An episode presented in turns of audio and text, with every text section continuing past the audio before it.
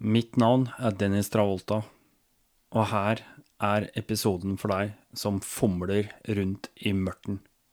Dette handler om lys.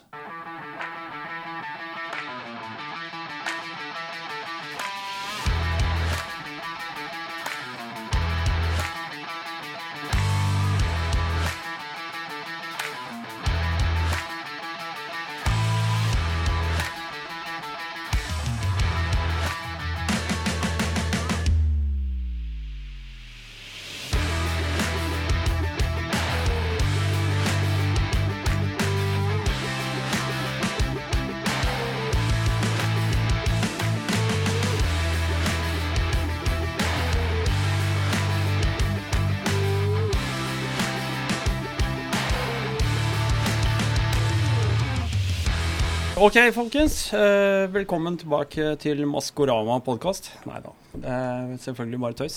Eh, velkommen til eh, Rally Nord podkast. Eh, dette har vært en lenge etterlengtet eh, episode som, eh, som har vært i planene i lang tid. Eh, selvfølgelig er det ikke sånn at det alltid fungerer og klaffer sammen, men dagens episode med lys som tema eh, da skal de som virkelig kan det, få lov til å tre fram eh, og bare overøse meg med sin kunnskap om eh, alle disse tingene som jeg eh, trodde jeg visste noe om.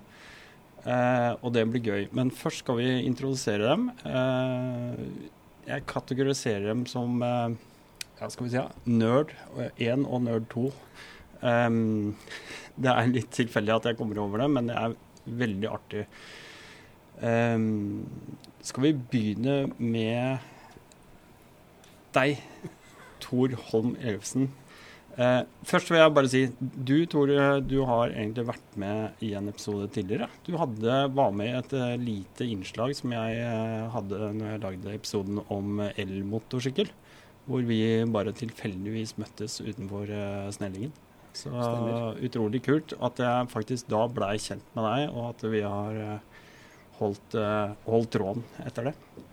Men vær så god, uh, introduser, deg gjerne for lytteren. Tor Holm Ellefsen. Jeg er en uh, veldig fersk uh, motorsykkelkjører når det gjelder det å være ute i trafikken. Uh, tok eh, førerkort i år og har ikke mer enn eh, rundt eh, 7000 km bak meg ennå. Men uh, har vært litt på crossere og sykler tidligere i livet. Uh, og ramla inn i den eh, adventure-verden via en eh, kompis av meg. og har blitt si, litt frelst av det miljøet og den, den måten å kjøre på. Det å kjøre grus. Eh, og kjører da en uh, huskeverna 700 en Enduro long range. Ja. Og neste person Erik Angvik. Ja. Kjører ikke sykkel, jeg kjører tråsykkel. Ja, ja, ja. det er vel litt å banne i kirka det er kanskje her nå, men eh, Nei, Nei. nei. Jeg, driver eh, jeg, jeg sykler, da. Eh, Faktisk sykler det som kalles enduro, for det har jo blitt en egen gren i, i sykling, faktisk. Ja, kult. Ja, av alle gode ting. Man kan egentlig kalle det mer rally, for det er vel det det ligner mer på at man har fartsetapper. Ja. Eh, men eh, jeg eh, Ja, jeg har som sagt aldri vært med på en podkast før, så det var litt sånn uvant for meg. Jeg ble ringt opp av Tor og lurte på om ikke jeg kunne komme og, og snakke litt om lys, for det er fagfeltet mitt, da. Ja. Eh, Jeg jobber med lys. Ja. Skal vi sette litt kontekst til hvor vi er og befinner oss akkurat nå? For nå sitter jeg i et rom omgitt av masse kule gadgets og saker og ting. Eh, Du har invitert oss hit på et møterom på arbeidsplassen din. Ja. Kan du si noe om det? Ja, jeg jobber i noe som heter of Stand Defense. Ja. Vi er en leverandør av utstyr til eh, hva skal vi kalle det, Beredskaps-Norge. Eh, Men vi har også, siden vi driver med lys, så er jo noe av det også relatert til sportsmarkedet. Da. Ja. Så i dag så er vi på demorommet vårt eh, her. Eh, Med litt ymse ting rundt oss, som sagt. Ja, det er mye fette greier. Her er det sko, det er eh, litt militært eh, antrekk, det er eh, ja, feltutstyr. eh, Kule lommelykter og hodelykter, eh, saker og ting jeg ser rundt meg. Utrolig. Det er litt sånn gutte, gutteromsfølelsen. Skulle Vi, gjerne hatt. eh, vi hører det stadig støtt når folk kommer innom, eh, at eh, nå blir det dyrt. Ja, Ja. akkurat. Så det, ja, vi, er, vi er kjent med det. Ja. Men eh, Nei, men det er kult. Da, da har vi en uh, liten setting i forhold til hvor vi befinner oss. Um, Dagens tema er jo lys, uh, og det som, uh, som, på en måte er hot akkurat nå Nå er jo sommeren vel overstått for lenge siden. Vi er langt over høsten allerede. Bladene har falt og snøen har begynt å legge seg. og det er klart at det mørket det kommer uh, uansett om vi vil eller ikke. Og da er jo belysning, uansett om vi kjører motorsykkel, bil eller andre typer ting, om du sykler i skogen eller uh, går tur i marka eller hva du gjør for noe, altså, lys er vi jo på en måte litt avhengig av. Det er noe det er noe uh, urgreier rundt lys. Altså fra vi har sittet rundt bålet og brukt fakler og alt mulig. Uh, men teknologien har jo brakt oss på, til et punkt uh, hvor, hvor Skal vi si ja Lys er ikke bare varme. lys består av veldig mange bestanddeler. men hvordan er det du endte opp her, Erik? For jeg, jeg, skjønner jo det at du er en drivkraft her og, i forhold til ja, med belysning. Jeg kan ta en uh, liten på det. Uh, som jeg sa, jeg, jeg, har alltid vært glad i å sykle. Mm. Uh, og jeg er 51 år. Så jeg begynte med terrengsykling tilbake på midten av 80-tallet. og um, et problem var jo da en gangen var jo at det blei jo mørkt på samme måte som det gjør nå. da. Uh, og lys var jo da for å, for å, kunne sykle på høsten, uh, sånn som det er ute nå, så er du jo litt avhengig av å kunne se. Og da blei det til at jeg ønsket å se etter lys for egentlig eget bruk. Det var sånn det startet. Mm. Og så um, var jeg For den gangen var jeg i sportsbransjen og jobba med sykkel. Og uh, ønsket å, å, se litt etter det. Så jeg var en del i utlandet på noe som både kaller Eurobike og Interbike og sånne ting, som er disse store sykkelmessene i utlandet, USA og, og, Tyskland. Og da kom jeg over et merke som heter Lupin. Uh, jeg fant jo fort ut at det var skal vi si, noe av det råeste som finnes der ute. Um, og, um, og starta med import av det via det firmaet jeg jobba i den gangen. Da. Det mm. firmaet eksisterer ikke lenger nå. Ehm, men hva skal vi si det, ja, det ene led til det andre. Men det, det, endte i hvert fall opp med at jeg, Lupin og jeg har nå hatt en fartstid siden 1998. Ja. Eh, jeg fant ut av det nå, for jeg måtte dokumentere en annen sak her. Og da mm, ja, og, da, det, det, og, så har jo da det utviklet seg da, ikke sant, fra å være et sports... Eh, det er fortsatt et sports, stort på sport også, altså, men Sammenligna med det vi jobber med i det daglige her hos oss nå, så er det jo mot det profesjonelle markedet alt fra helikopter til eh, skjoldbruk for de som skal ha det, eller mm. ja, hva det nå enn skulle være for noe. Um, og, um, og, det er også det eneste merket som faktisk består den dag i dag. De merkene som var parallelt med Lupin den gangen, tilbake på hva skal vi si, eh, slutten av 90-tallet, de eksisterer ikke den dag i dag. Så det er min intro inn til lysverdenen. Og så har jo dette utviklet seg videre ikke sant, mm. med, med, det. Så jeg har egentlig bare gått livets skole. Men eh, jeg er veldig dedikert når jeg ja. først setter i gang. Det skal sies. Ja. Det er der edgen min ligger. Og så ikke minst nå jobber jeg jo med det som profesjonelt. Og det er jo, du er jo på et helt annet nivå. Mm. Trenger jeg noe nå, så er det ikke vanskelig for meg å få tak i det eller ditt eller datt. Da. Tenker jeg vi skal ta overlate den videre til deg, Tor. For dere har jo en connection her. Og, og, det er jo grunnen til at vi sitter her også. er jo at du, vi, Ute på en tur så blir vi tre kompiser stående og prate om lys. Vi har jo samme sykler, og alle har forskjellige lysanordninger på syklene sine. Og så vi, står vi i mørten der og liksom lyser opp og får, ja, snakker om våre egne greier. Og da, da kommer du inn på en ting som at du på en måte jobber opp mot Erik. Og, og det var jo utfattelig interessant. Så, har du noen mulighet til å si noe om ja, ja. hva dere driver med? eller? Ja, jeg har jo ikke nevnt det før, men jeg jobber jo i noe som heter forsvarsmateriell. Mm. Uh, og vi uh, uh, investerer og anskaffer alt materiell som Forsvaret bruker. Og Spesifikt så jobber jeg med sanitetsmateriell og sanitetsutrustning. både foran sykehus og på sykehus. Mm. Og som en del av det der, i rundt 2012, så holdt vi på å bygge en utrustning til eh, C-130 Hercules transportfly, hvor vi kan fly pasienter inn i flya. eh, med sånne intensivbehandlingsplasser. Og da må du ha lys for å jobbe. Og da måtte vi ta fram en type belysning der som var god nok til å jobbe med, med veldig dårlige pasienter inni et ganske mørkt fly. Eh, og da var vi i kontakt med, med Bertil Osten da. Eh, og de lagde da et belysningssett for oss der.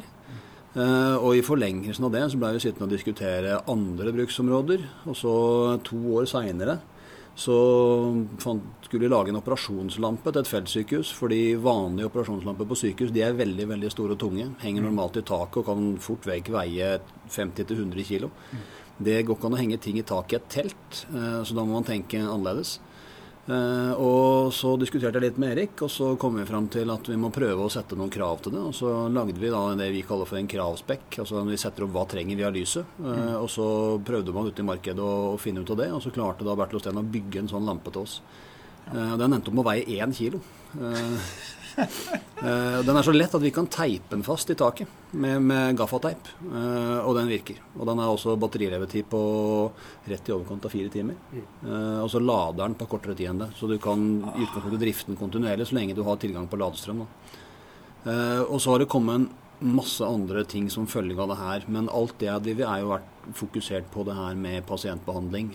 og eh, og sanitetstjeneste. Og så har noe av det blitt dratt over innenfor eksplosivrydding. De har en del. Det er mye som brukes på fartøyer. Det brukes til søkslamper.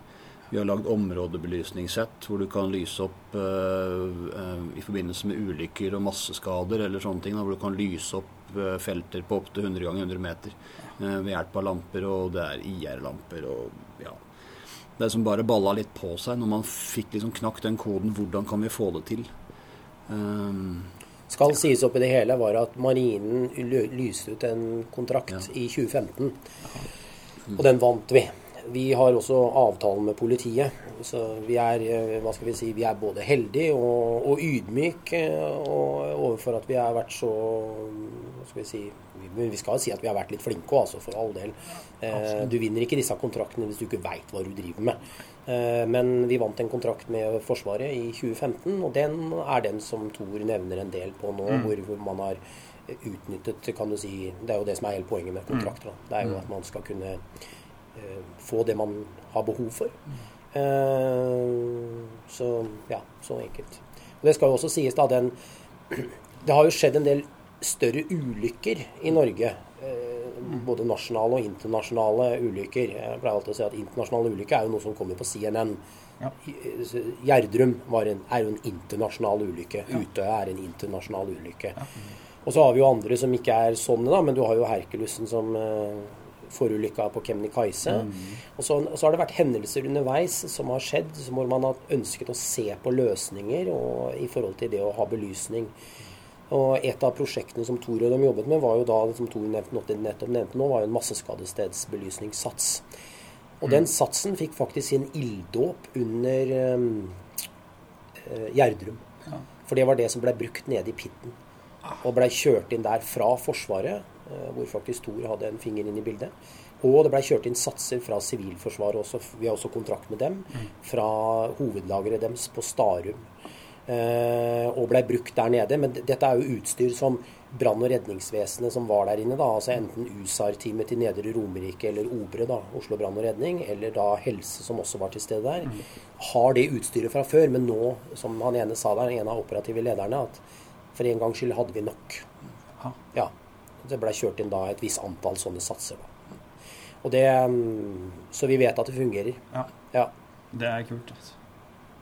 Så. Sånn ja, så har du bidratt oppi der sånn at uh, Erik er glad i å prate om lys. Uh, ja. Og glad i detaljer. det fikk jeg merke for ja. Han ringte meg bare veldig kort. Han skulle være veldig kort innpå. Og da måtte jeg rett og slett bare kutte den fordi at jeg var på jobb. Så vet du hva, vi må spare det her.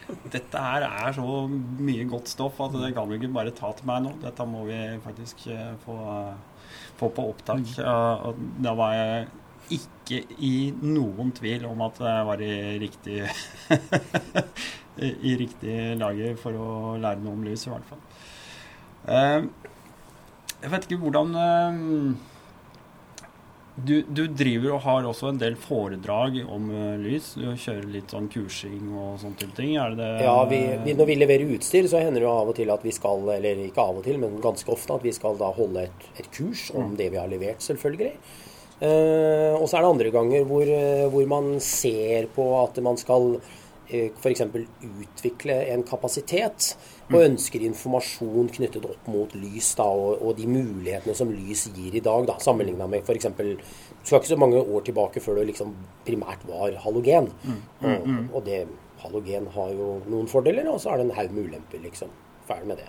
Så det er, det er, den sammenheng er det jeg holder en del altså, Hvis vi kan kalle det faglig påfyll da, for noen ja. som skal bestemme et eller annet før eller siden.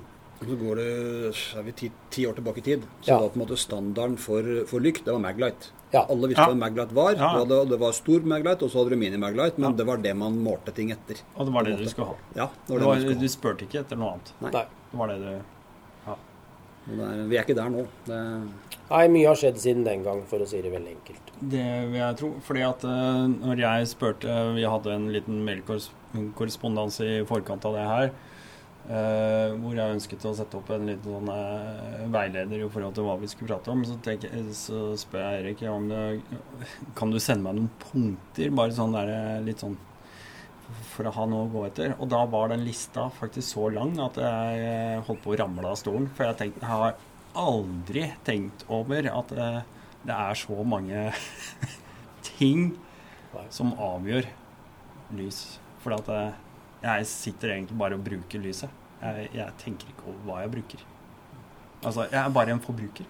Ja, og det er det som ofte er problemet når jeg jobber med, når jeg jobber med lys på, mot brukere. Da. Det er jo at du har visse brukere som er ute etter alt annet enn lyset.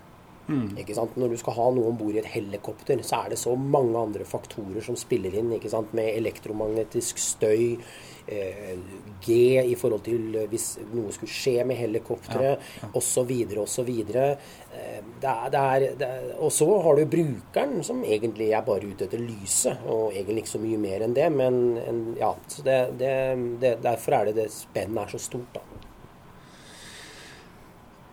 Skal vi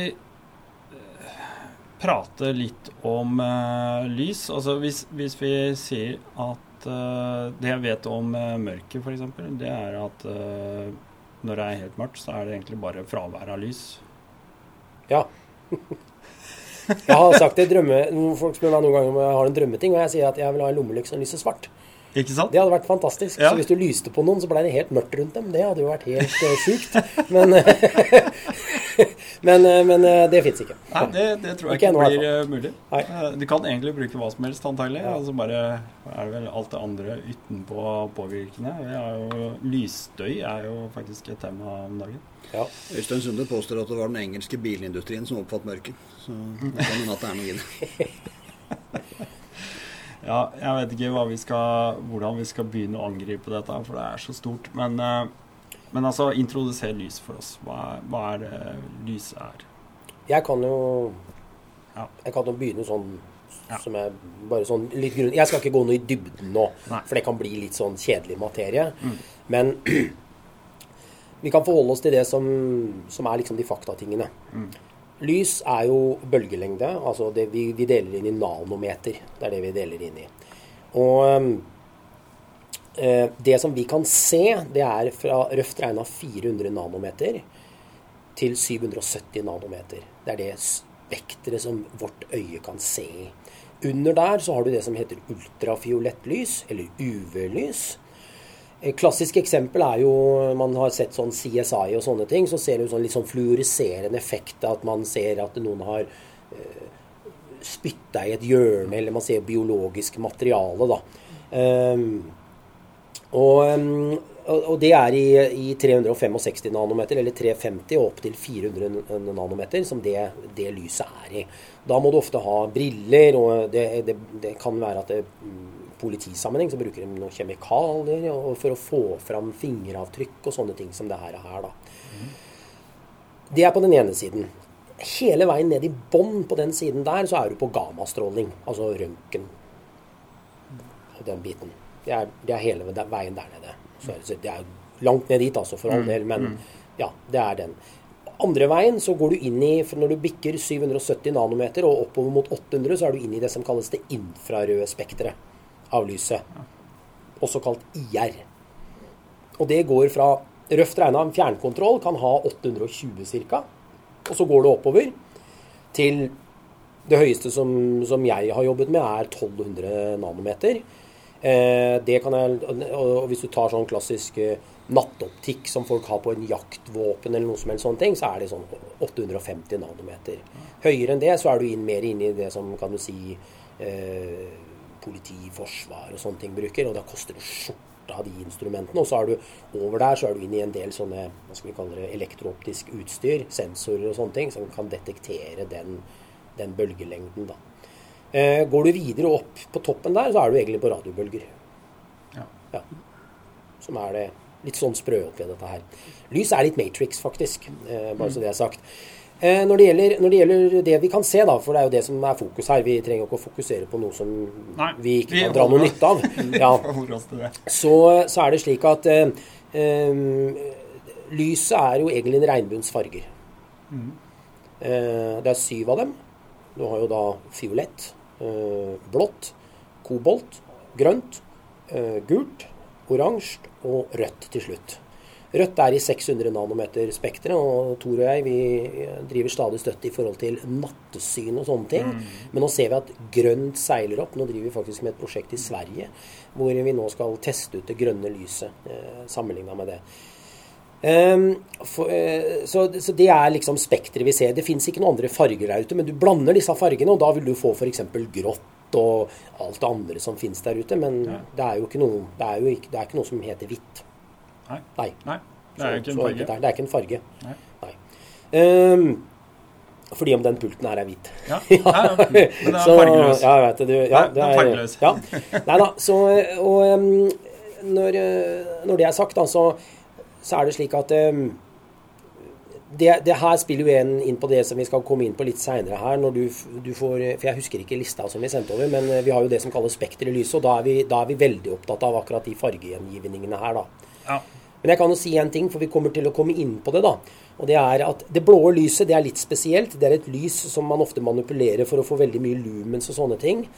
Um, men det er et lys som, man, eh, som, vi mennesker ikke er noe sånn spesielt glad i. Eh, og grunnen til det, eller grunnen til det er jo den, den hva skal vi si, energien som er i lyset. Men eh, offentlig rom har jo blått lys ofte. Ja. Som går litt inn i det, det litt inn i fiolette spekteret. Mm. Og det er jo for å skape et ubehag, og at du ikke skal se en del ting ikke sant, sånn ja. på offentlige toaletter ja. og sånne ting. Jeg ikke kunne se årer og sånt. Ja, sånne ting som det. Du, du, du, ja, du, greier ikke, du får ikke fargegjengivning. Så enkelt er det. Nei. Altså Det som kalles en CRI, altså en Color Rendex-indeksen, den er ekstremt dårlig i det spekteret der. da. Ja. Eh, og så har jeg, jeg har et prosjekt som jeg jobber med noen ambassader som kontakta oss i forhold til det å sette på lys rundt ambassaden under demonstrasjoner. For det er et lys som føler ubehag for oss over tid. Riktig. Slik at disse demonstrantene får da kanskje etter en times tid bare finner ut at vet du hva, jeg, begynner å bli litt kvalm, jeg, så jeg, jeg stikker, jeg faktisk. Ja. Det har jeg opplevd. Eh, vi har hatt en alarm på et eh, arbeidssted tidligere ja. som eh, var et sånn blinkende lys ja. i, sammen med røyk. Ja.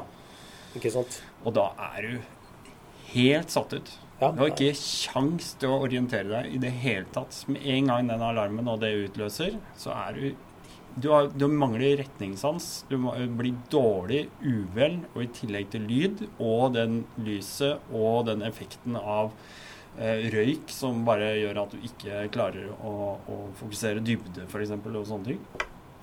Totalt satt ut. Det som også skal sies, er jo hvis du har en blinkende lys, for det brukes ofte i strobesammenheng, mm. så er jo det litt forskjellige hertser som den går i. Og noen av de hertsene husker jeg ikke eksakt her nå, for det er en stund siden jeg har jobbet med det. Men det er noen hertser som er sånn at hvis du sliter med epilepsi, så ja. kan det faktisk triggere. Så ja. det, er, det er Lys er så mye mer, for ja. å si det sånn. Ja. Jeg, jeg tenker liksom nå OK, du setter meg over en del punkter. Nå skal vi ta altså knekke de ned etter hvert. Men eh, jeg vil bare nevne de fortløpende. Det er eh, seks hovedpunkter hvor du tar opp lys, strøm, lyskilde, regelverk, menneske, produkter. Det er, eh, det er det. Og så kom alt under. Ja. Og da, da tenkte jeg OK, Da, da svartna det. hvor, hvor, lett kan vi, hvor lettfattelig kan vi gjøre det her? Ja. Nei, eh, jeg foreslår vi tar bare én og ett punkt, og så bare Ja. skummer jeg det, for å si det sånn. Nei, nei. Ja.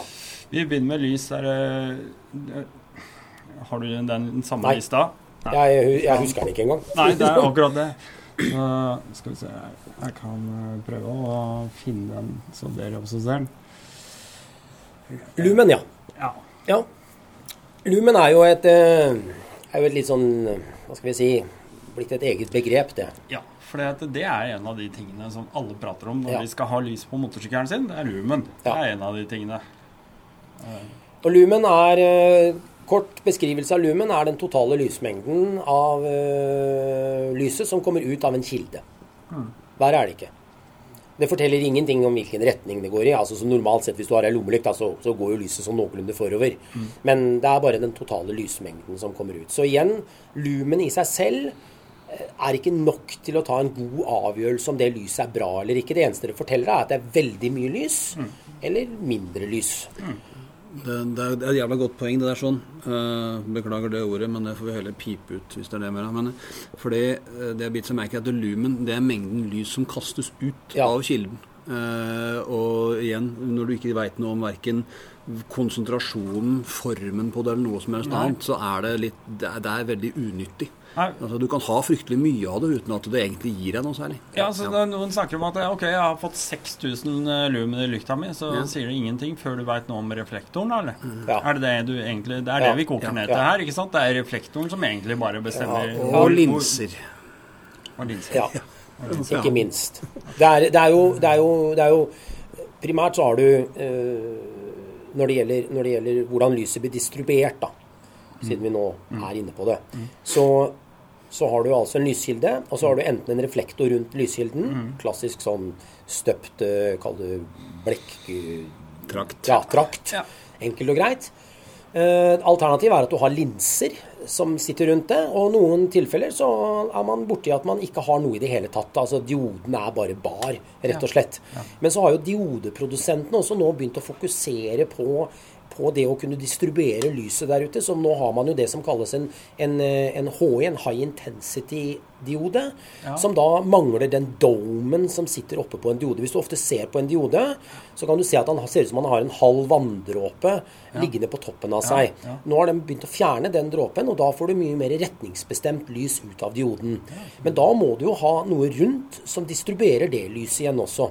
Så, um, så, det, er, så det nytter liksom ikke å bare ha én ting og så tro at det blir bra. Det, dessverre. Det er Så enkelt er det ikke. Nei. Nei. Skal vi ta og gå videre på, Ja. på Hva er dette for noen greier, da? Nei, du vil ikke slå av. Nei, vil ikke slå av, nei. Avbryt.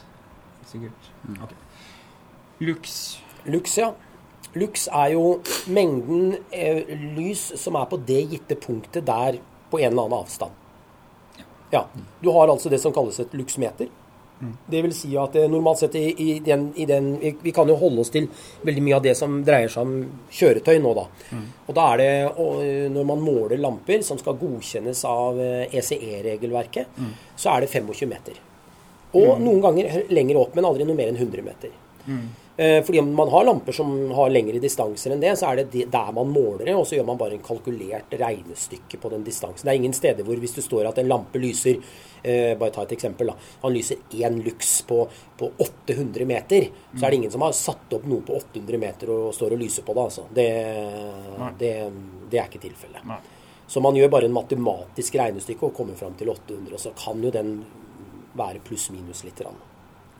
Men eh, normalt sett så gjøres målingene opp til eh, 25 meter. Eh, og da er det altså så og så mye lux som er der framme på det gitte punktet der ute. En laser ville fått enorm høy lux-scoring. Fordi den har jo så ekstremt konsentrert Ja. stråle. ikke sant? Mens en eh, belysning på en fotballstadion vil ikke score så høyt, men vil jo, vil jo hvis du sto, du sto på Ullevål stadion da, og så ned på gressmatta, så ville jo de store lyskasterne lyst opp hele gressmatta, mens eh, laseren ville jo satt fyr på det ene gresstrået der nede. Så lux igjen aleine har ingen betydning, det heller. For det forteller bare at det er så mye lys på en gitt avstand på det punktet. Kelvin. Kelvin er, um, er fargetemperaturen på lyset. Ja. Ja, så det er enten så er det varmt, eller så er det kaldt.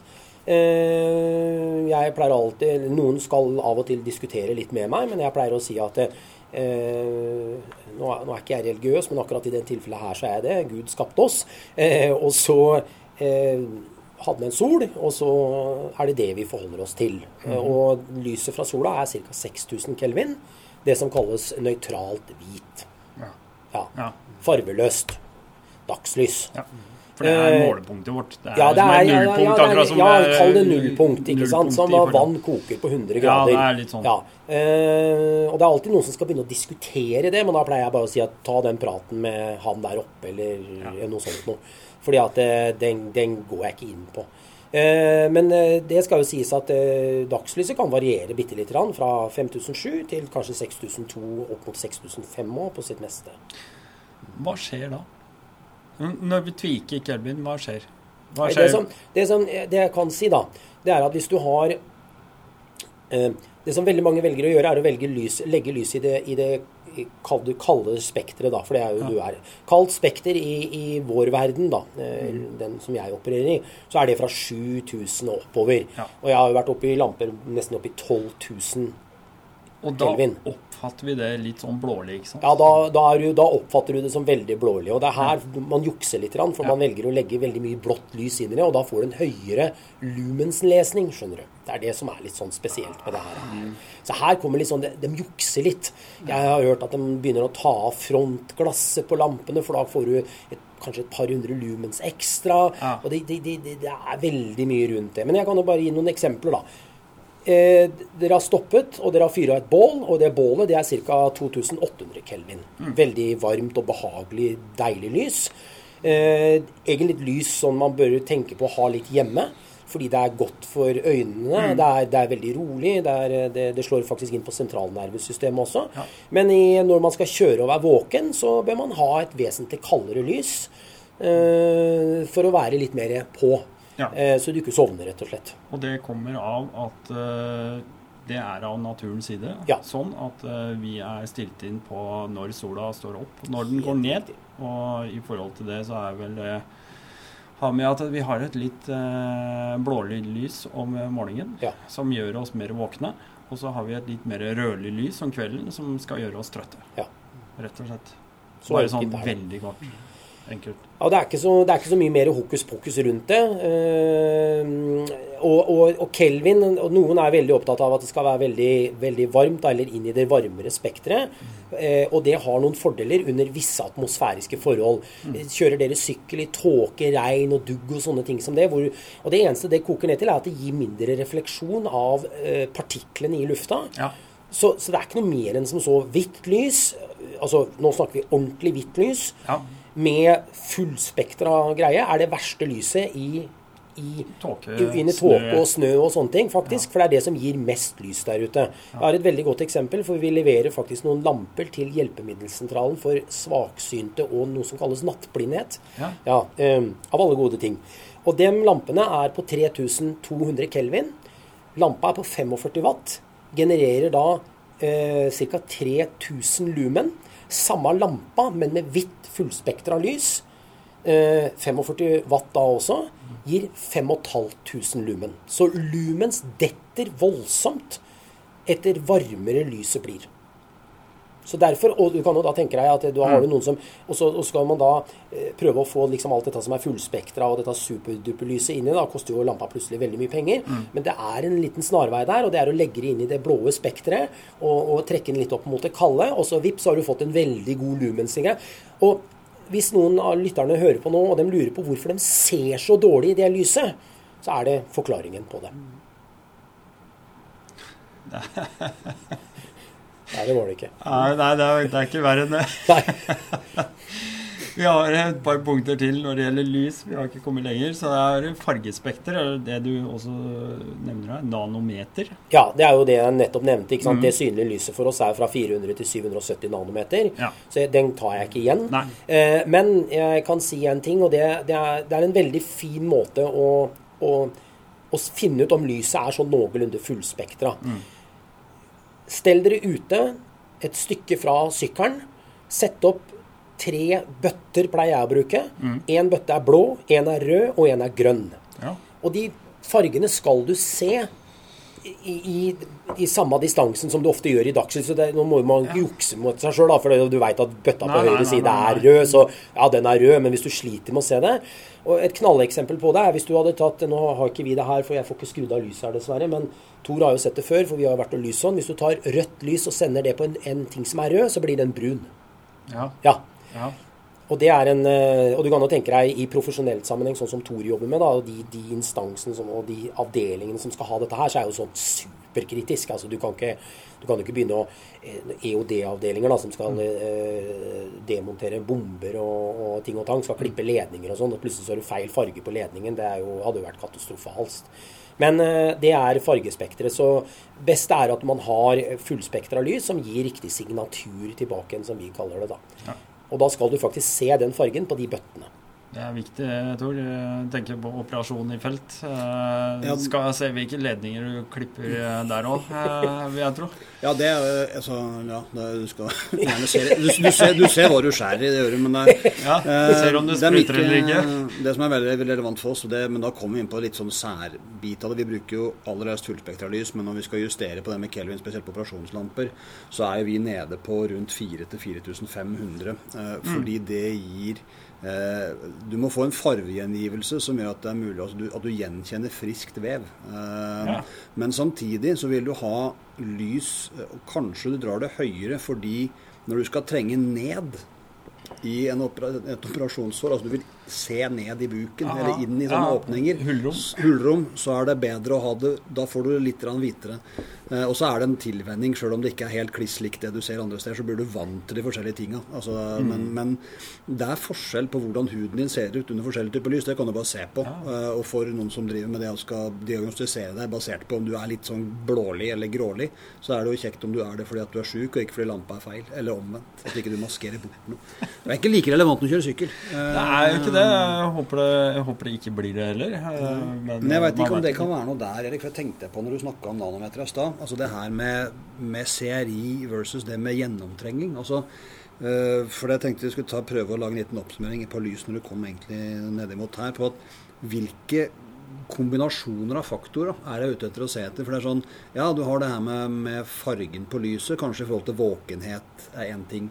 Men samtidig det er sånn Hvis du har den og den verdien da, på, på CRI, hvordan påvirker det lysets evne til gjennomtrenging eller kastelengde? Altså, ser, du noen, ser du noe der? At det er noen Nei. ting som går lenger? Eller er det Nei, det er, det er det som er litt sånn paradoks med det her. her. Jeg hadde en, eh, jeg hadde en, eh, et, eh, en case med, en, med noen i Forsvaret når det gjaldt vakt og sikring.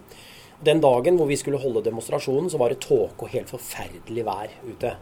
Og han, sjefen for den avdelingen, han var jo helt syntes dette var fælt, da, for jeg hadde jo da reist med fly hele veien. Og så sier jeg til ham at dette er egentlig helt supert. At det er så dårlig vær. For nå skal dere få lov å se på en ting som er litt interessant. Og dette her er- gjelder det samme når dere er ute og kjører sykkel også. Dere kan f.eks. oppleve at været blir ekstremt dårlig.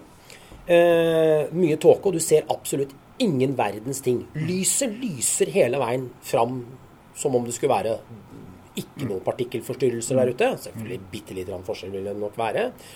Men husk da at det, det som skjer, er at du ser jo refleksjonen fra vanndråpene tilbake igjen til deg. Men gå 20 meter ut på siden, Ja. utafor strølyset, ja. utafor refleksjonsvinkelen fra partikkelen. Riktig. Da plutselig ser du skilt, da ser du alt mulig der ute. Ja. Men du vil jo se dårligere du òg, for det, er jo- det er jo ting foran ansiktet ditt også. Men ikke på samme måte. Så ja. Og det her kommer det som Tor var inne på i stad, når det gjaldt det grønne lyset. For rødt og grønt, og faktisk blått også, gir ikke samme refleksjon i partiklene. Nei. Så grønt lys i, og vi har gjort en del testing allerede på det nå, viser seg å være supert når det er dårlig vær ute. Men igjen, det har ikke så veldig mye å si for dere, for på, på sykkelen så har ikke dere lov å putte det på. Nei, da vil dere få en case, nemlig. Men på en hodelykt, hvor man da er inne på en grusvei, og været skulle dra seg på, sånn som på Bettin f.eks., hvor du har senterdioden med Ja, det på, så kunne man i hvert fall putre av gårde, om ikke noe annet. Ja. Samme gjaldt det. Vi hadde en annen oppgave vi fikk fra, igjen fra Forsvaret, var det her òg, og politiet, hvor det var snakk om det å kunne se i flatt lys med snøscooter.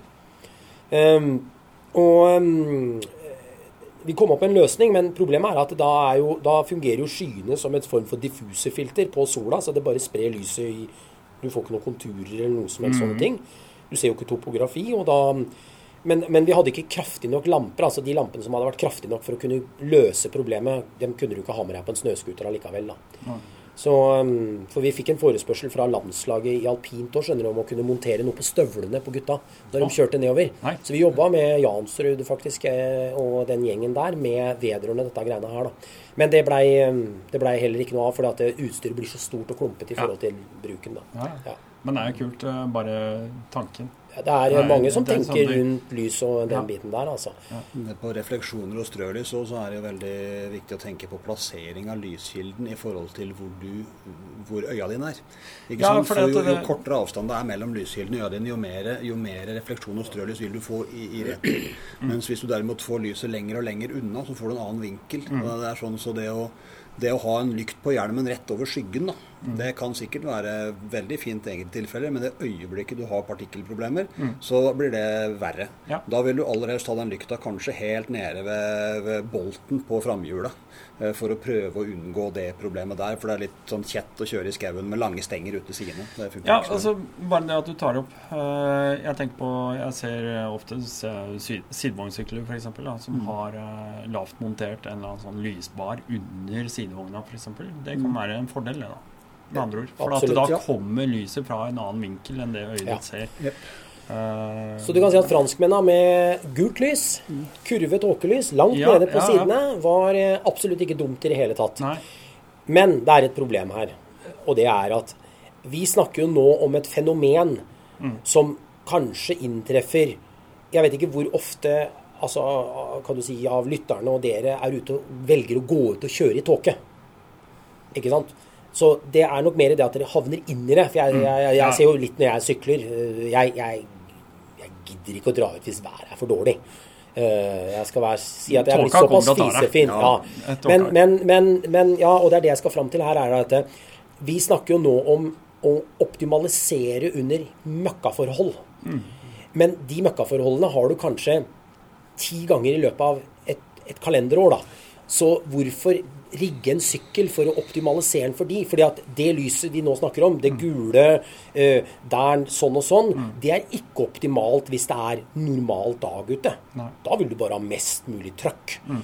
Absolutt plassering er superviktig uansett, mm. men det kommer jeg inn på litt etterpå.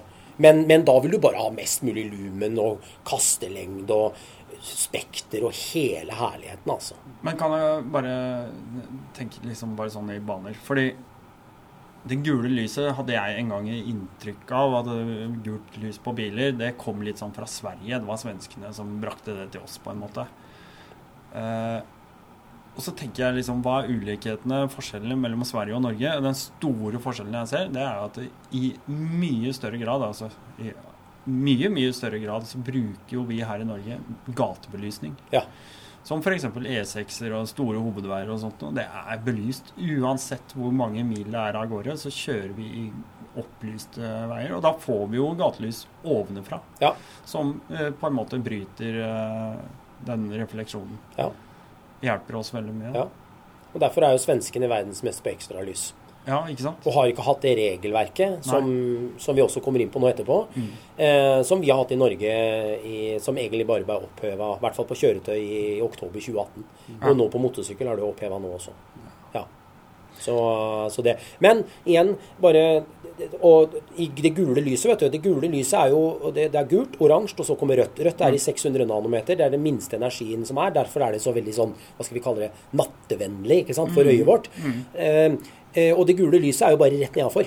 Ja. Så selvfølgelig fungerer det bra. Mm. Eh, men det grønne lyset hadde nok vært eh, det mest optimale. Men det kan du bare, som jeg sa igjen, det får du bare glemme. For det, det, får man jo ikke lov å ha på bil. Det er bare lov å ha eh, hvitt og gult lys. That's it.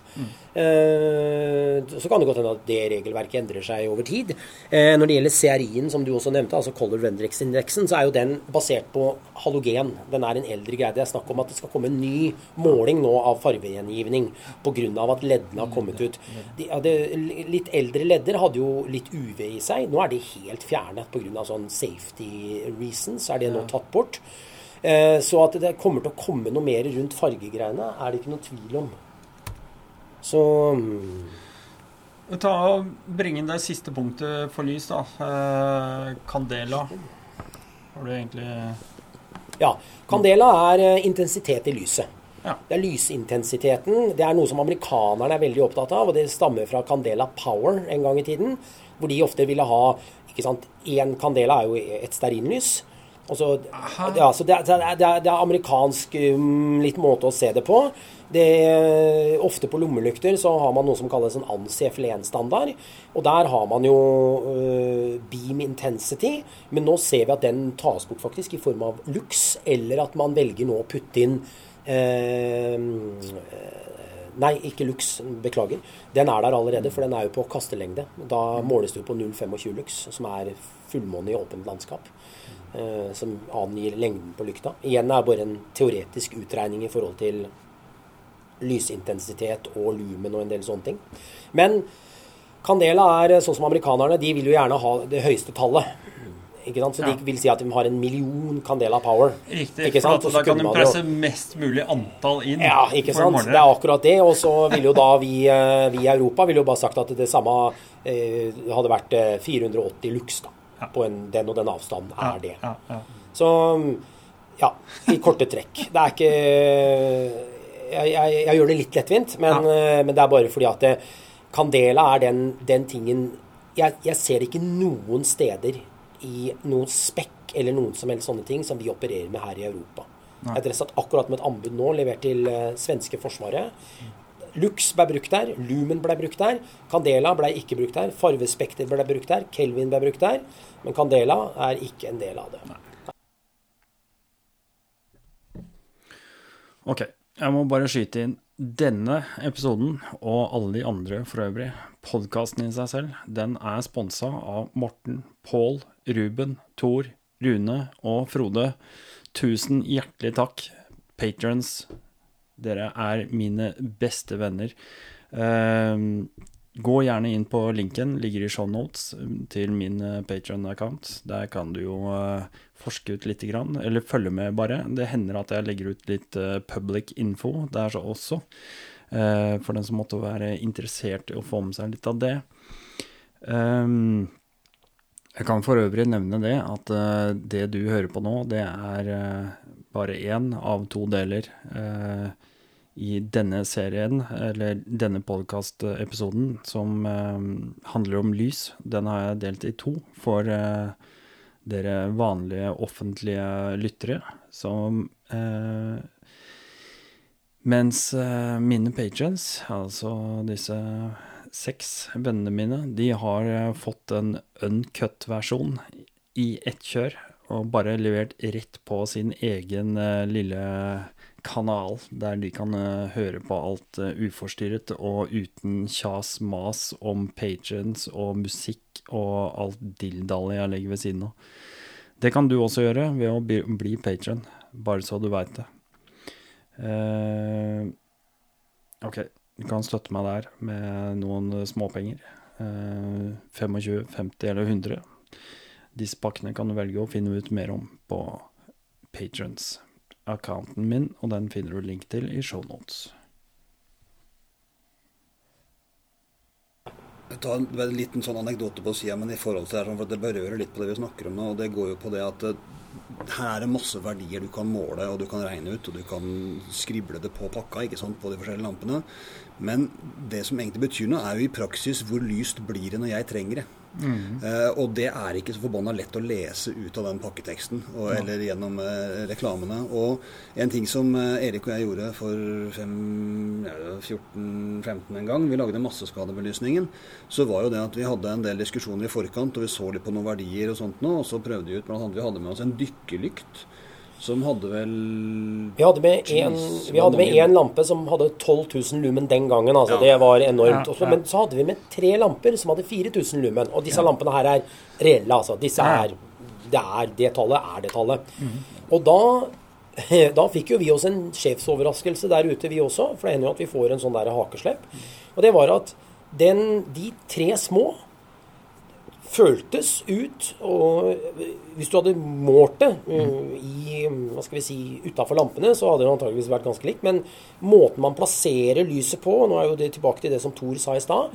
Det, det, det føltes som mye, mye mer de tre til sammen på 12 000 enn Ja. den ene Ja. på 12 000. Hadde du da plassert tre på 12 000, så hadde jo det vært noe helt annet. Men igjen, det viser at det, det er ikke alltid det å sette på én leddbar som er noe helt hinsides svær, diger bra. Det kan faktisk være at det å dele opp til to mindre gir et bedre lysbilde for det bruket. For det vi gjorde der, var jo faktisk det å ta med oss Vi venta til klokka var 11 om kvelden, og så dro vi til skogs med dette greiene her. Og så begynte vi å rigge det opp og gikk rundt med målebånd og Ja. målte litt ut hvor langt unna er vi nå. Hva kan jeg gjøre når jeg står her? Klarer jeg å skrive på en måte leseliv her? Og kan, kan du lese det jeg skrev? Ja, det funker jo for så vidt her. Ok, da bytter vi lampe. Og nå da? Nei, nå er det jo skygger her. Nå, dette Ja, ikke sant? For ikke. da kaster jo dette her fra tre forskjellige punkt. Ja, og den, det var jo relevant der. ikke sant? Du får ikke like stor avstand på tinga når du skal ha det på en sykkel. Men, men du, er du, må, du må få en opplevelse av det som er der. Mm. Eh, og den, det er ikke alltid han samsvarer med, med det du leser på pakka. Altså det å faktisk få muligheten til å teste ut noe og, så, Mm. og, og kjenne på hvordan det virker, det, er, det er for meg i hvert fall veldig relevant for å gjøre et godt valg Mm. på akkurat det med å velge lys som funker til det du vil ha. Jeg Ja, for der kan vi, vi Før vi gikk i gang med den eh, alt opptaket her nå, så var vi inne på det. Og der tenker jeg det passer fint at vi tar det nå. Fordi vi satt her og så på noen bilder. Eh, For du to, du gjorde et lite sånn eh, eksperiment hjemme i bakgården i, i går kveld. Hvor du filma, hvor du brukte diverse lys både på sykkelen din og en, hjelme, en lampe du hadde på hjelmen. Uh, Var det ikke sånn? Ja. Og liksom filma det her. Og det er jo da gjengitt uh, av eh, et kamera som på en måte vi ser på en skjerm. Eh, og du sier jo noe om det, at vi leser på pakka og liksom bestemmer oss for hva vi skal ha ut fra det vi leser. Og så ser vi kanskje noen reklamebilder. Hvis du går på eBay for eksempel, skal kjøpe et eller annet der, sånn, så er de jævlig flinke til å presentere produktet sitt med et bilde av en opplyst ja, grusvei eller et eller annet. Men det bildet, det sier egentlig Det lurer jo i hvert fall meg, da, som en helt vanlig, eh, bedagelig fyr, eh, til å tro at å, enten så er dette superbra, eller så er det jo kanskje ikke så jævlig bra likevel. For at jeg sitter bare og ser på det på min skjerm hjemme, som jeg kan regulere lysstyrken. Jeg vet ikke hvordan det kameraet har påvirka det lyset som faktisk skal fanges opp. Altså Det er så mange ting, og det bildet lurer meg trill rundt. Og når du ikke veit eh, hvilke innstillinger som var på kamera i det øyeblikket han tok Ja, bildet, altså hvilke tilsvarende ISO hadde han på filmen, ref gamle speilreflekser, Ja. hva slags blenderåpning hadde du, og hvor, altså hvis ikke du veit de tinga der, Ja. så kan egentlig ikke to bilder sammenlignes heller. Nei. Skal du bruke bilder til å sammenligne, så tror jeg du må kjøpe deg eh, et gammelt speilreflekskamera og ta med deg en rull med film, og så må du også låse deg fast. Mm. Og så må du ta alle bildene på akkurat samme innstillinger, og så kan du se på de fremkalte resultatene etterpå. Mm. Så kanskje det har noe å si. Ja. Men på digitale kameraer som kompenserer og gjør alle til gode fotografer, så vil på en måte elektronikken ta opp da, Ja. noen av de avvikene. Og så er det jo selvfølgelig eh, sollys. Eh, Vi veit jo ikke egentlig hva det består av. Om det er månelys, sollys, eh, whatever, som omgir alt dette her totalt heller.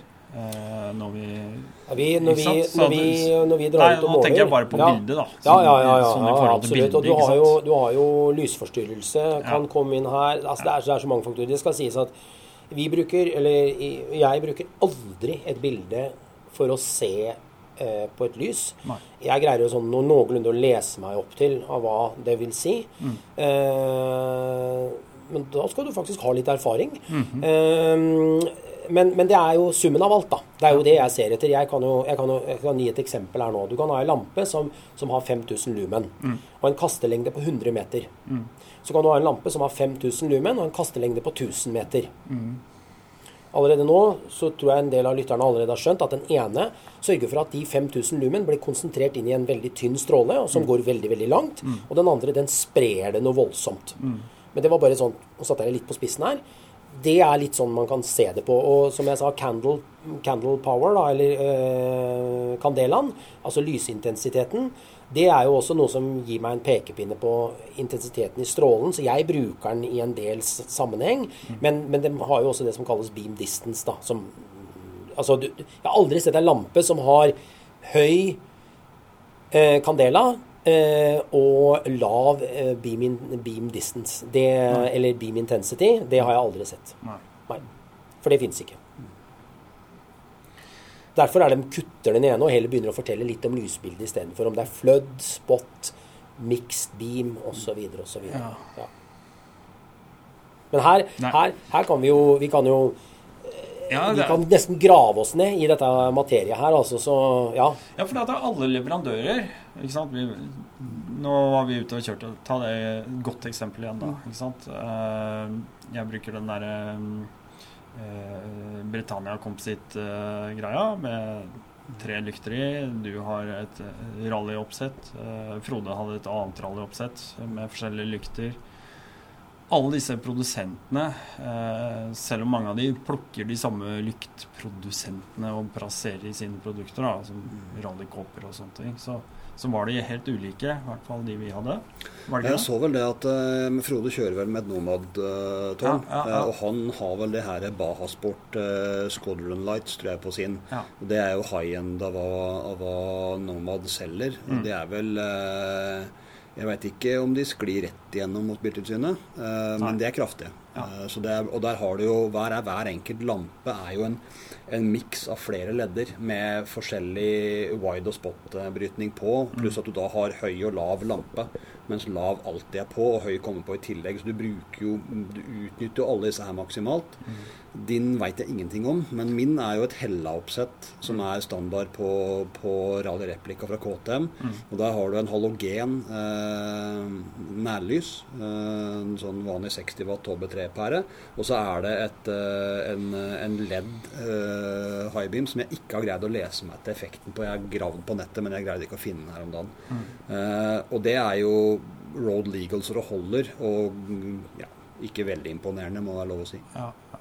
Men igjen, Hella er jo også sånn der, det er jo et navn på lys på bil som på en måte er anerkjent gjennom de siste 30 åra. Det er Hella-lamper. Du har mye bra Hella-lamper opp igjennom. Det er litt 3000, er jo en klassiker. Ja, ja, ja. Men det skal sies at eh, det har jo skjedd litt på den fronten nå, da. eh, Når det gjelder det lysgreiene der. Men det, jeg tenkte når vi kom på sykkel og, og, og litt lenger ned, så kunne vi ta det. vi gjøre det. Skal gjøre det. Vi, eh, vi skal det. Men det er lov å skli ut litt. For at vi kan egentlig bare dra oss Ja, sakte inn på det vi skal igjen. For at nå har vi gått fra lys, og vi skal egentlig snakke litt om strøm. Ja.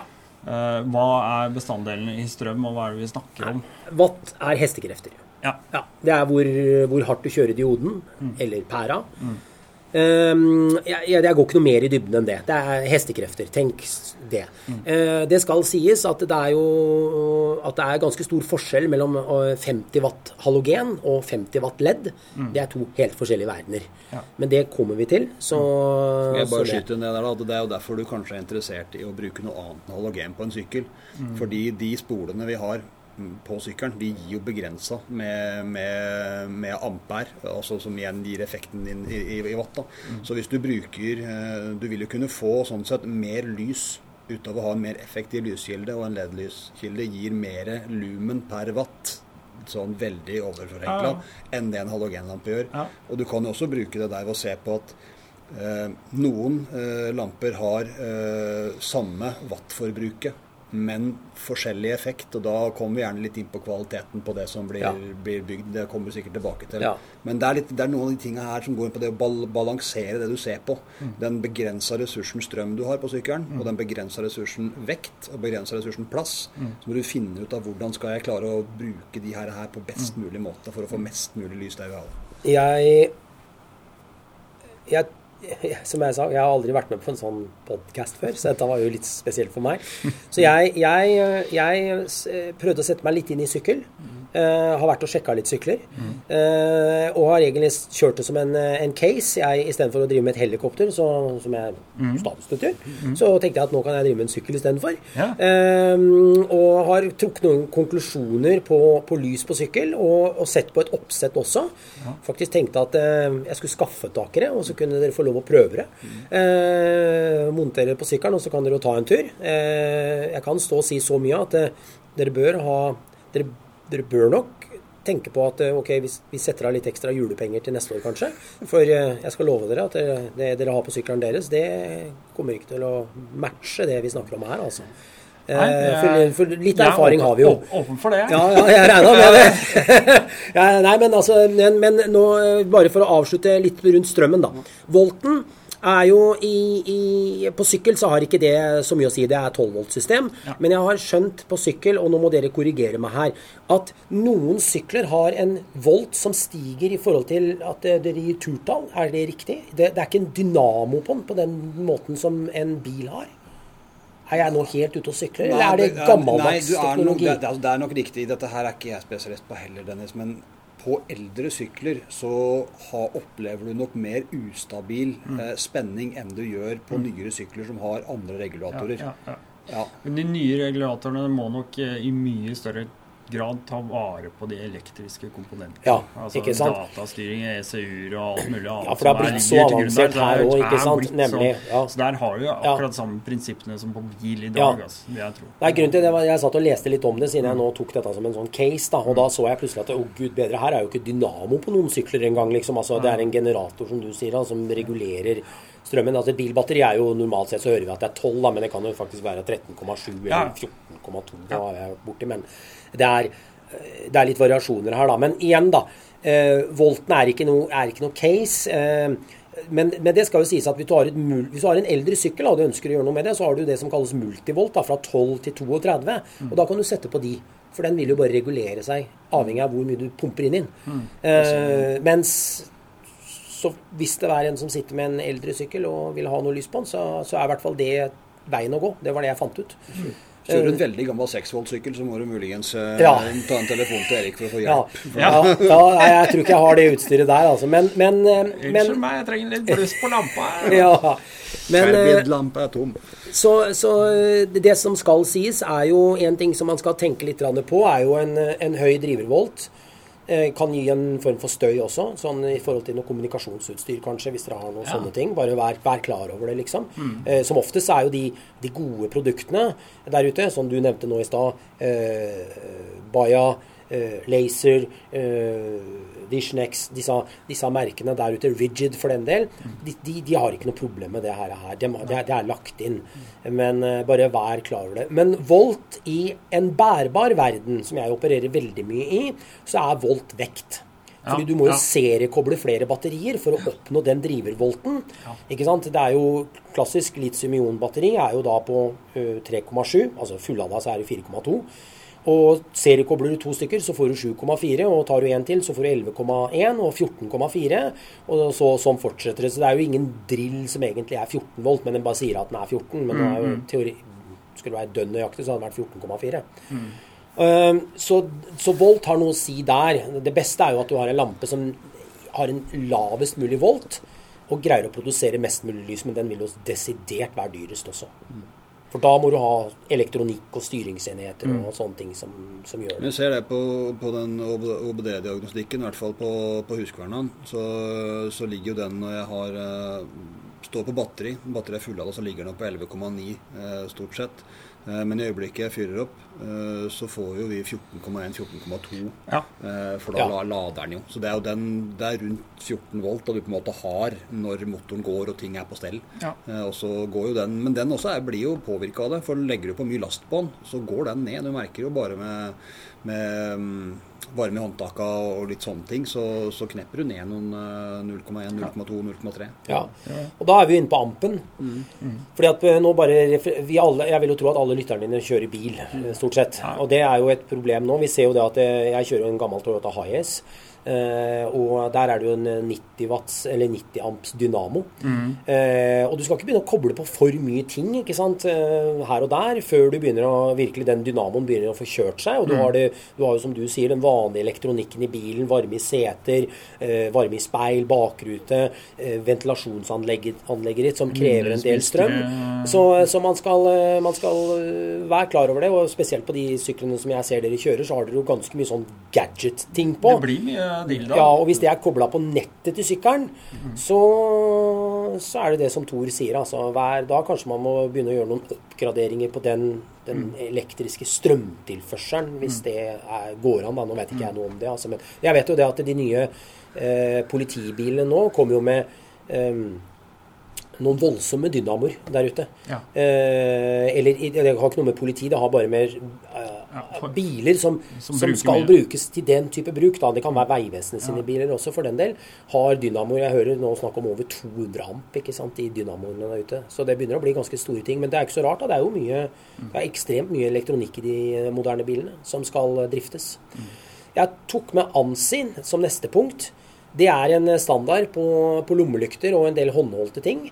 Det er en, eh, kan du si, ja, kall det en sånn en amerikansk standard. Mm. Det var eh, kort fortalt 14 produsenter av lommelykter som gikk sammen for å finne en løsning på det. Og da kom man fram til noe som kalles ANSI-FLN-standarden, som da er eh, beam intensity, eh, beam distance, lumen, eh, vanngjennomtrengning, altså IPEX-standarden, eh, slagfasthet, altså hvor dropptest osv. osv. På bil eller kjøretøy som dere har, så, så opererer man ikke med noe, med noe sånt. Men siden dere kanskje skal ha noe lys på kropp eller på hjelm, så tok jeg den bare med som en sånn Kall det en digresjon. Ja. Det er helt nydelig. ja. Eh, Så er vi på lyskilder. Ja. Og nå er vi inne på noe som er litt, eh, litt eh, kan du si, mer spesielt her og relevant. da. Vi kan jo bare begynne med halogen. Eh, fordi at det var jo den første pæra. Det er en klassisk glødepære. Og så var jo Edison som var ikke han som fant den opp, men det er han som har fått kreden for den, i hvert fall. Eh, og det er jo en, en pære med en glødetråd inni. Og, eh, og etter hvert så fant man ut at man måtte gjøre noe med det, fordi tråden røyk før eller siden. Så putta man en halogengass inn. Den må få en arbeidstemperatur. Og hvis den ikke får arbeidstemperaturen sin, så får du litt sånn unnskyld at jeg bruker uttrykket, litt sånn pissgult lys. Ja. Så gamle sånne halogenlamper som liksom aldri presterte noe særlig, da, da fikk du et veldig gult lys der ute. Drar du den og får opp temperaturen på halogengassen, så vil den lyse bedre. Altså det er en pære som egentlig ikke var ment for å være ute. Det var en innepære, hvis vi kan, nå går vi litt sånn historisk sett på det. Men vi valgte å ta den ut, eh, og bruke den ute. Belysning utafor hus, det var vel Ja, sånn det starta. Og så ble det gatebelysning. Så kom gatebelysning og Ja, ikke sant. Og den biten der, da. Men, men det starta med at Edison hadde jo en Jeg tror den pæra brenner den dag i dag, faktisk. Ja, så nede stemmer, i det huset hans eh, Ja, eh, det er Florida det var, jeg er ikke sikker, men i hvert fall, da. Stemmer. Nok om det. Um, så varmere den pæra blir, bedre blir den. Ja. Ja. Uh, men når dere kjører og får kjøling, så er det jo egentlig en dårligere pære. Uh, så så man på en mid- midlertidig Finnes det noen løsning her? Ja, det gjør det. Eh, vi tar HID. High Intensity Decharge-pære, som det heter. Som også har eh, xenongass i seg. Det kan en halogenpære også. Eller det heter ikke halogen, men en xenonpære. Ja. Um, og det er jo en pære som tenner veldig høyt, altså Mm. på volten, og så senkes den ned. Um, fordelen med den pæra var at eh, den, den, den har ikke noe om, om den blir varm eller kald, det har ikke noe å si for pæra. For den Nei. holder en syk temperatur uansett. Ja. Den pæra blei lagd primært for stadioner. Det, det het, egentlig I starten så het det Stadium Light. Fordi den har den der tenningstiden. ikke sant? Den bruker ett minutt på å komme seg. Vi husker jo Ja. de første BMW-ene, de tyske bilene. Så starta man bilen, og så fikk man en sånn blaff. Og så, og så begynte det, og, og, det kom mer og mer. Og, og wow, dette var imponerende. ikke sant? Og så kjørte man av gårde, og hvis man dimma ned og dimma opp igjen, da var det ikke noe problem. Men første gangen man starta den, tenningstiden på den, Ja. som vi sier, er veldig lang. Eh, i- igjen ikke noe problem hvis det er på en, en stadion. Eh, du, du tenner eh, før du skal hoppe i bakken 15 minutter før, og det står og brenner. Og er det i Brasil hvor det er varmt, så er det ikke noe stress. Er det i Holmenkollen hvor det er kaldt, så er det heller ikke noe stress, og ferdig med det. Problemet med den er jo at han koster skjorta. Så folk fikk seg noen overraskelser når de da var på på verkstedet, og så fikk man regninga, og så sto det bytting av pære, og så sto det 3000 kroner. ikke sant? Ja. Og så fikk man jo bakoversveis og tenkte hva i all verden er det her for noe?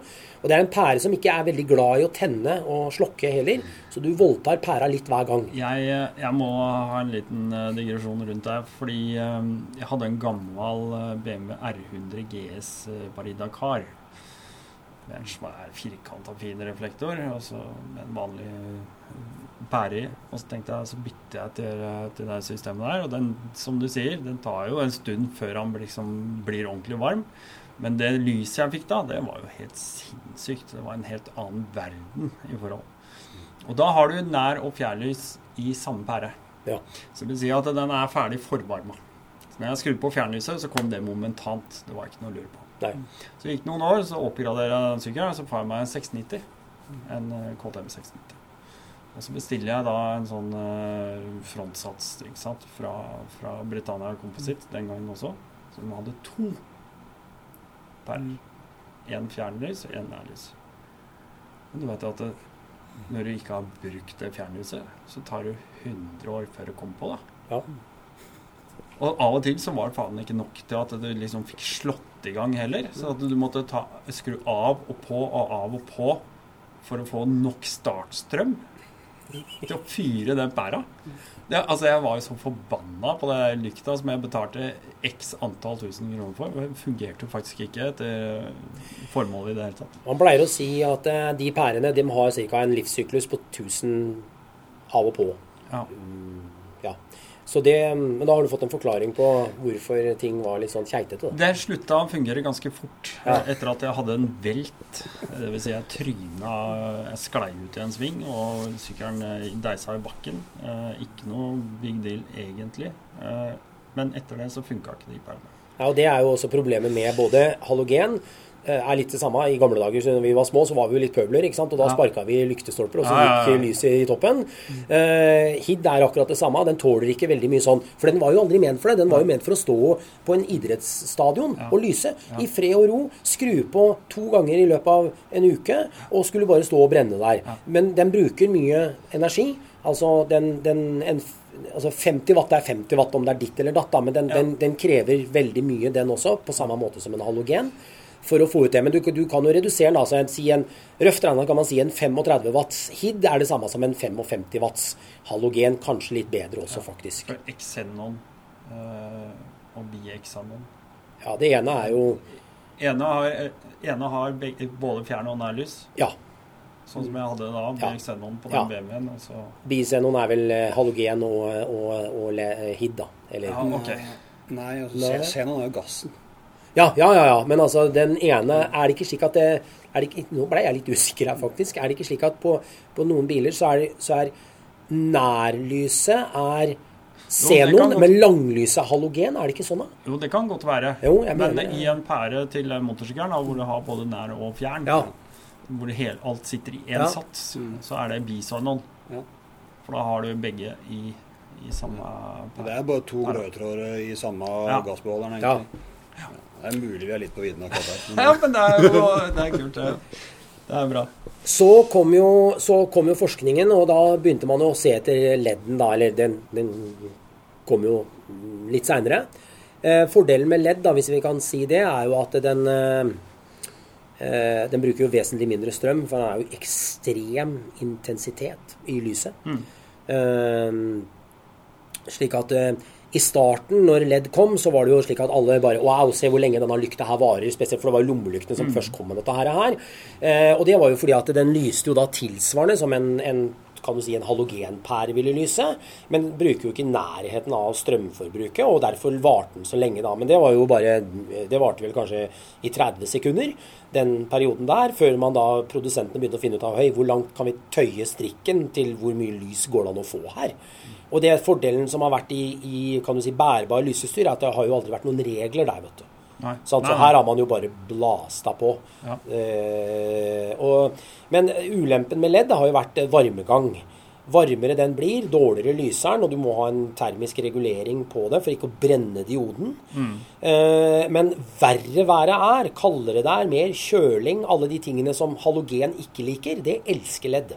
Ja. Ja, Så der har du en kjempefordel. Og det fine med ledd er at du kan herje rundt med det så mye du bare gidder. Ja. Altså Du kan skru det av og på til du ser evigheten. Altså Da er det andre som blir mer irritert på at du skrur ting av og på enn en ledden i seg sjøl.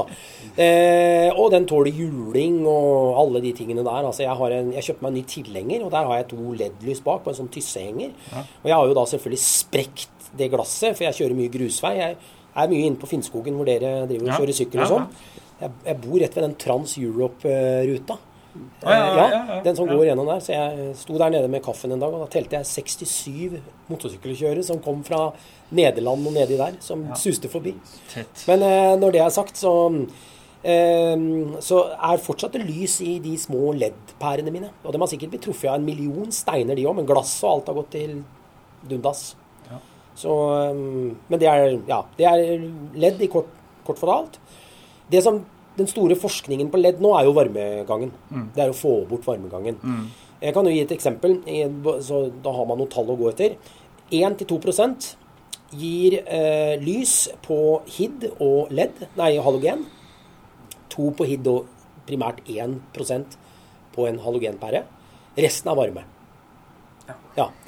Altså, ok, så det, det du sier nå, Erik, er at uh, hvis du har en, en 40 watts forbruker på en, på en halogen, ja. så er det altså 1 uh, Som gir lys. av det. Så Ja. altså, det er under 1 watt lys og resten varme. ja.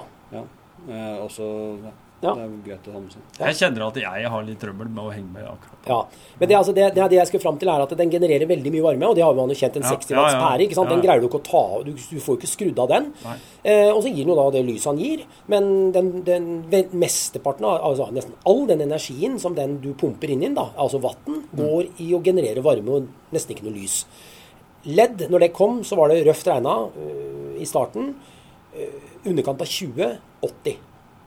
Så der ser Ja. du effektiviteten på Ja. denne i sammenligna.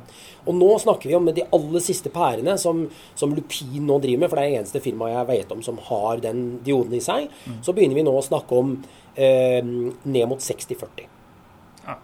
Men da er du Jeg kan bare stå og si en ting, for nå er det sikkert noen der som bare tenker at dette skal jeg ha i sykkelen min. Mhm. Men det får du aldri godkjent av Biltilsynet. Det kan jeg si med en gang. Men, eh, men eh, muligheten til å ha den på en hjelm er til stede. Eh, ja. Men for, for å dra en annen parallell altså, Det er jo litt det du kan se. da, Vi snakka litt i stad om at uh, man har begrensa med, med ampereproduksjon på en sykkel. Og det er klart det at eh, hvis du, hvis du på sykkelen din nå drifter, eh, drifter 55 watt hovedlyspære, som er ganske vanlig på en, på en H4 eller på vanlig hovedlys, Ja.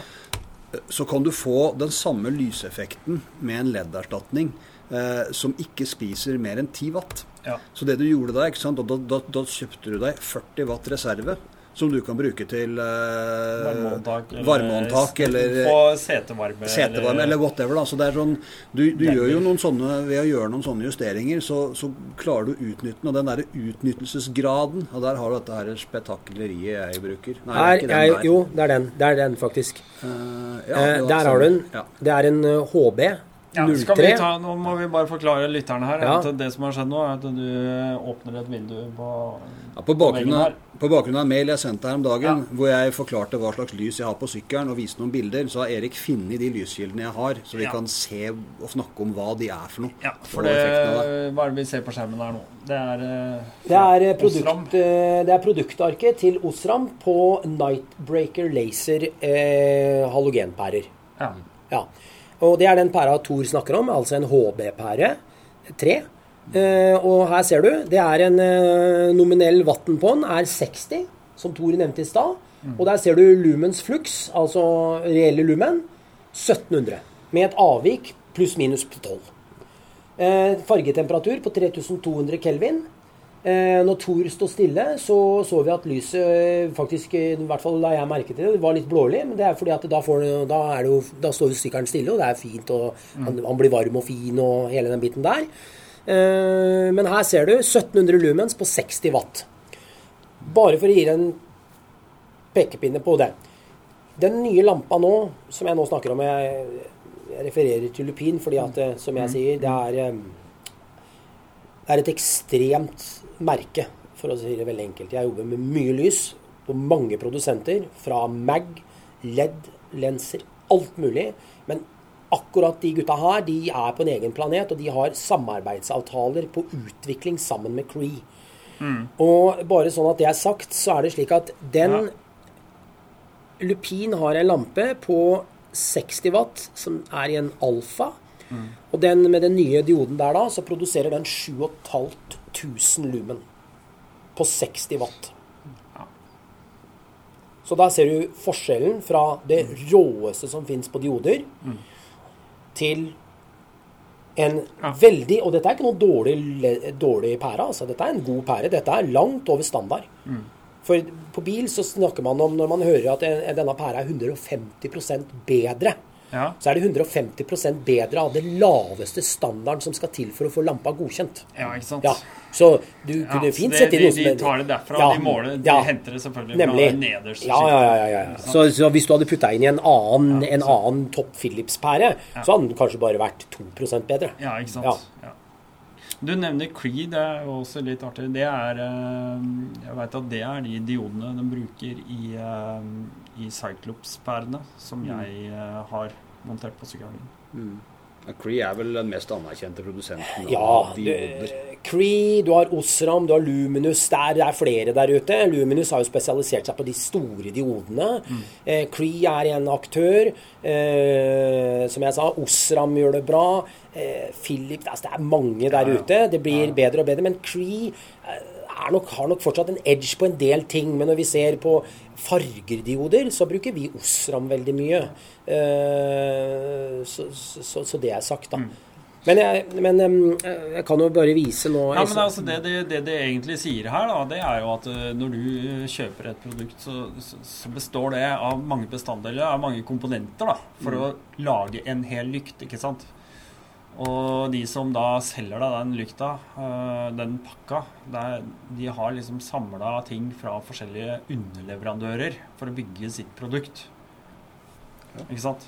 Det, også, det kan jo også være veldig så viktig å påpeke da, at, eh, at det ligger småkomponenter inni et produkt. så, Ikke sant? Ja, altså du kan si at En lampe består jo av mange faktorer. Det vi ofte hører, eh, som jeg får høre, er jo da enten du da tar Rigid, da, som er et anerkjent merke på LED-barer. Eh, så er det slik at jeg ofte hører folk si at ja, men den LED-baren der kan jeg få tak i med like mange lumens fra Kina. Ja, ikke Ja, og er- her, her har du et litt sånn fin greie. Eh, Det første jeg alltid gjør i sånne tilfeller, da, hvis, jeg, hvis det drar seg på en diskusjon, Ja. er jo at jeg prøver å finne ut hvilke dioder er det som faktisk sitter i den LED-baren fra Kina. Og av og til så kan man finne ut av det ved at man går på noen forumer og litt sånne Ja. ting. Jeg, eh, jeg syns det alltid er litt morsomt å, å se på det. For her har du databladet. eh, For lytterne nå som ikke ser det vi ser, så har vi altså et datablad fra Cree på XML3, som er den siste og mest avanserte dioden de har. Og her ser du Max Light, put, eh, Max light Output. 1860 lumen på 17 watt. Det er hinsides. Men samme, ja. Sammenlign det med Nightbreakeren. da, Det er- For det var, 17, det var 1700 lumen på 60 watt. Ja. ikke sant? Ja. Du, er, du er altså på under en tredjedel ja, ja. av uh, power Ja. consumption, men med mer effekt. Ja. Og, eh, men, men her snakker men, men og nå kommer det som er litt interessant. Den dioden her, den koster så enormt med penger. Altså det er, Når vi snakker innkjøp til lupin, sånn som han er nå, Ja. er snakk om 20 dollar for Ja. dioden ja. Til produsent. Så skal du kanskje ha fem-seks av dem. Altså, En kineser kan få tak i den dioden, han også. Akkurat for øyeblikket så får han ikke tak i det. Men den lampa vil bli dyr i Kina også. Det, er du kommer bare ikke utenom det. Så det som man, Her har du da igjen, da, som jeg sier Det som jeg syns er litt morsomt, da, det er jo at før eller siden så vil denne dioden her bli allmenn. Og da vil en eller annen produsent si at eh, de har en lampe, og den lampa har da eh, 5000 lumen. Og så går man inn og ser på dioden, som jeg da gjør. Og så finner jeg ut at ja, den bruker den og den dioden. Og så går jeg inn på dataarket, og så finner jeg ut at ja, den dioden har, greier ikke i laboratoriet å produsere mer enn 17 1860 lumen. Ja. Men den produsenten da, Ja. sier at den produserer 5000 lumen. Ja. Det blir jo litt sånn som at eh, du går til Mercedes eh, og sier hvor mange hestekrefter er det i bilen din. Jo, det er 400. Men når du går til bilselgeren, så sier han nei, nei, nei, nei, i denne bilen her så er det 1200 hester. Det er på det nivået, altså. Ja, Det, er, eh, det er bare ljug og fanteri. Ja, det Ja. tviler jeg ikke på. Det. Så derfor er, det, derfor er det De seriøse produsentene har så mye å tape ved å ljuge. Mm. Mens de, de useriøse, de har jo alt å vinne. Ja. Så, eh, så det ligger mye i det. Men det er, det er eh, sånne ting som dette her som man kan da følge med på. da. Mm. Og dette er jo tilgjengelig for alle. Det er bare at man må vite hvor man skal gå hen for å finne ut av det. Ja, og så vite hva man egentlig er på utkikk etter, Ja. og så prøve å forstå sammenhengene. Ja. Det er jo det som er komplisert. Det er det vi vanlige lekfolk, sånn som meg, egentlig kanskje ikke Eller hopper glatt over, da, for at vi veit ikke noe bedre. Og så hører jeg på et eller annet, eller leser et eller annet på Facebook, som er jo eh, dagens eh, infokanal. Eh, og det er sånn eh, ja, typisk. Igjen, en ting til som er litt viktig. Nå kan du jo bare ta opp en annen nettside her. Eh, Nå er vi inne på Lupin, eh, nettsiden ja. Jeg skal ikke bruke noe tid på lupin, egentlig, men jeg har bare lyst til at du skal få se det. For det er litt, eh, som sagt, litt interessant, eh, greiene her også.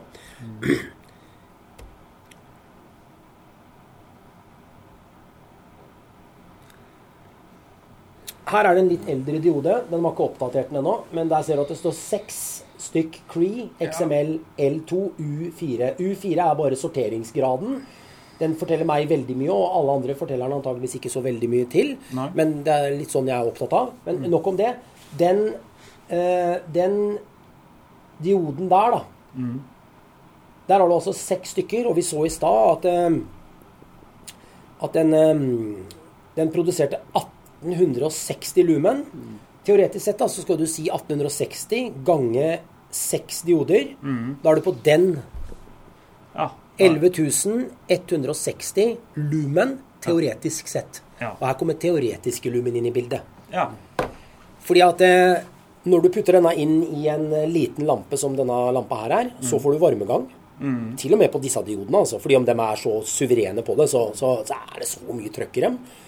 Og så har du styringsenheter, du har motstand i kabler, du har batteri. Det er så mange faktorer som spiller inn, og ikke minst temperatur begynner å spille inn på dette greiene her. Husk at kaldere det er, verre er det teoretisk sett for batteriet. Ja. Men bedre er det for lampa. Ja. Så lampa greier å jazze opp skikkelig, mens batteriet Nei, dette her liker vi ikke helt, ikke sant. Så der også har du en sånn klassisk fallgruve, for eh, da har jo Og dette er jo sånn som de, hva skal vi si eh, billigmerkene vil gjøre. De vil jo da ta den lumen som du så der, teoretiske lumen, 1860, i laboratoriet under perfekte forhold Ja. i løpet av jeg tror det er 20 sekunder. Så, ja, så, så regner de det sammen på antall dioder, og så sier de at denne lampa her har 11 000 teoretiske lumen. ja. Men eh, måler hun, så har den kanskje 2000. Og det leser du ut fra U4, eller? Ja, det er en av de tingene som jeg, som jeg får med meg, da, for å si det sånn. Ja. Ja. Hva sier det? Eh, når man begynte med dioder, så starta det alfabetisk på A1. To, Ja. tre og fire og fem og seks. Nei, fem. Beklager. Og så heter B. Og Derfor heter det U4. Vi er altså kommet så langt på alfabetet. Ja, så langt i alfabetet har vi kommet. Ja. Ja, så kommer vi til femmen. Av og til det dukker opp en seks. Og så vil den da hete ja, T eller S eller R eller hva det nå enn er du havner i da, i neste greie. Jeg er ikke så jævla god på alfabet. Nei, nei, nei, nei, nei, Det er vel S er etterpå, er det ikke det? altså, U, U, S, er det ikke det? UP. UP? Nei. Nei, V. V er det, ja. Faen, gutter. Jeg må få tilbake penga fra skolen, jeg, altså. Nei, men da, da, vil da vil du Så bare se det etter hvert nå. Men nå har jo, nå har jo pæra bytta, så det vil ikke være noe videre utvikling på det. Nå bytter den navn og vil hete XML3. Og så vil det da komme en, en for, sant, da en V1-versjon, f.eks. Og så blir den litt bedre. På varmebestanden sin så vil den hete V2. Ikke sant? Det er, Sånn selv- det er fordi vi snakker om UV, ikke sant? Ja, ja. Så da blir det jo Det er jo lysverden det her. ja, takk. Ja. Men det er vel litt her også, Erik, i forhold til det her Du kan jo få bedre utnyttelse av, eh, av strømmen, altså av vann, også ved å kombinere eh, ledder. Fordi du får ikke, det er ikke noe lineær sammenheng Nei. mellom light output og, og strømforbruk. Eh, For hvis du ser samme på Bettin, så ser jeg det nå, for jeg var inne og kikka i manualen eh, i forhold til det jeg drev med å teste. Så sier jo de at eh, på 12 watt så gir den 1700 lumen, som er det samme som halogenen. ikke sant? Og det er 12 watt, men det er jo med seks dioder på den her. Så vi har seks dioder som jobber lavere, så er strømforbruket til sammen lavere enn om du har én diode som du jazzer opp maks, fordi den kraftkurven da, den er ikke lineær, den, den, den knekker etter hvert. Så jo mer du putter i på slutten, så får du ikke like mye igjen. Nei. Så det også er jo en sånn Så det å ha igjen, altså kanskje ha flere dioder gir en bedre uh, ratio mellom output og input, kontra det å ha én singel som står og, og gir veldig, veldig mye aleine. Samtidig som du også da har noe redundans i tilfelle en av dem skulle finne på å brenne opp på et eller annet tidspunkt. Ja. Dere skal få lov til å nøle litt videre. Jeg skal finne toalettet, så kommer jeg rett tilbake. Kan vi, kan vi fylle kaffe? Ja, fylle kaffe. Skal vi ta en pause, eller? Skal vi ta en pause? Ja, men, ja, du kan jo Ja. godt sikkert ta opp at vi henter kaffe, men det er ikke like spennende å høre på. Nei, dette kan jeg eh, bedre at jeg gjør det. Redigerer da. Da tar vi en kort Vi, vi må bare huske på å skru den på etterpå. Ja, Det er det. Yes, og med det tenker jeg at eh, i forbindelse med den pausen der sånn, så runder vi av det hele og kaller det en eh, episode eh, om lys, del 1. resten, eh, for de som har fått denne med en gang, de kan bare vente noen dager. Så kommer det en eh, del 2 også. Eller eh, hvis, du alle, alt, hvis denne allerede har ligget ute en stund, så ligger vel del 2 der eh, for de som måtte ønske det. Eh, nok en gang, takk til patrons. Dere har fått den eh, uncut-versjonen i en hel smala, og dere har jo hatt den i godt over en uke allerede. Så eh, det lønner seg. Det skal lønne seg å være patrion. Ok. Um, det er så ufattelig gøy å høre disse to folka uh, prate. Og uh, Erik uh, med overøsende kunnskap på inn- og utpust. Det er, eh, det er helt eh, fenomenalt, og det er eh, supergøy. Så Men, men. Det kommer mer. Det kommer mer. Så heng på, og husk at du trykker på den der eh, follow eller følg-knappen, hvis ikke du allerede har gjort det, der hvor du lytter på podkast. Så eh, du får med deg alle episodene i Rally Nord. Eh, Det er selvfølgelig veldig viktig for deg som har knotter på hjula og er glad i eh, lavoktanprat. Så husk det, da. Og så del og spre, selvfølgelig. Det er jo viktig. Så desto flere lyttere jeg får, desto bedre er det jo, og desto hyggeligere er det jo å kunne gi noe tilbake også. Ok, på gjenhør.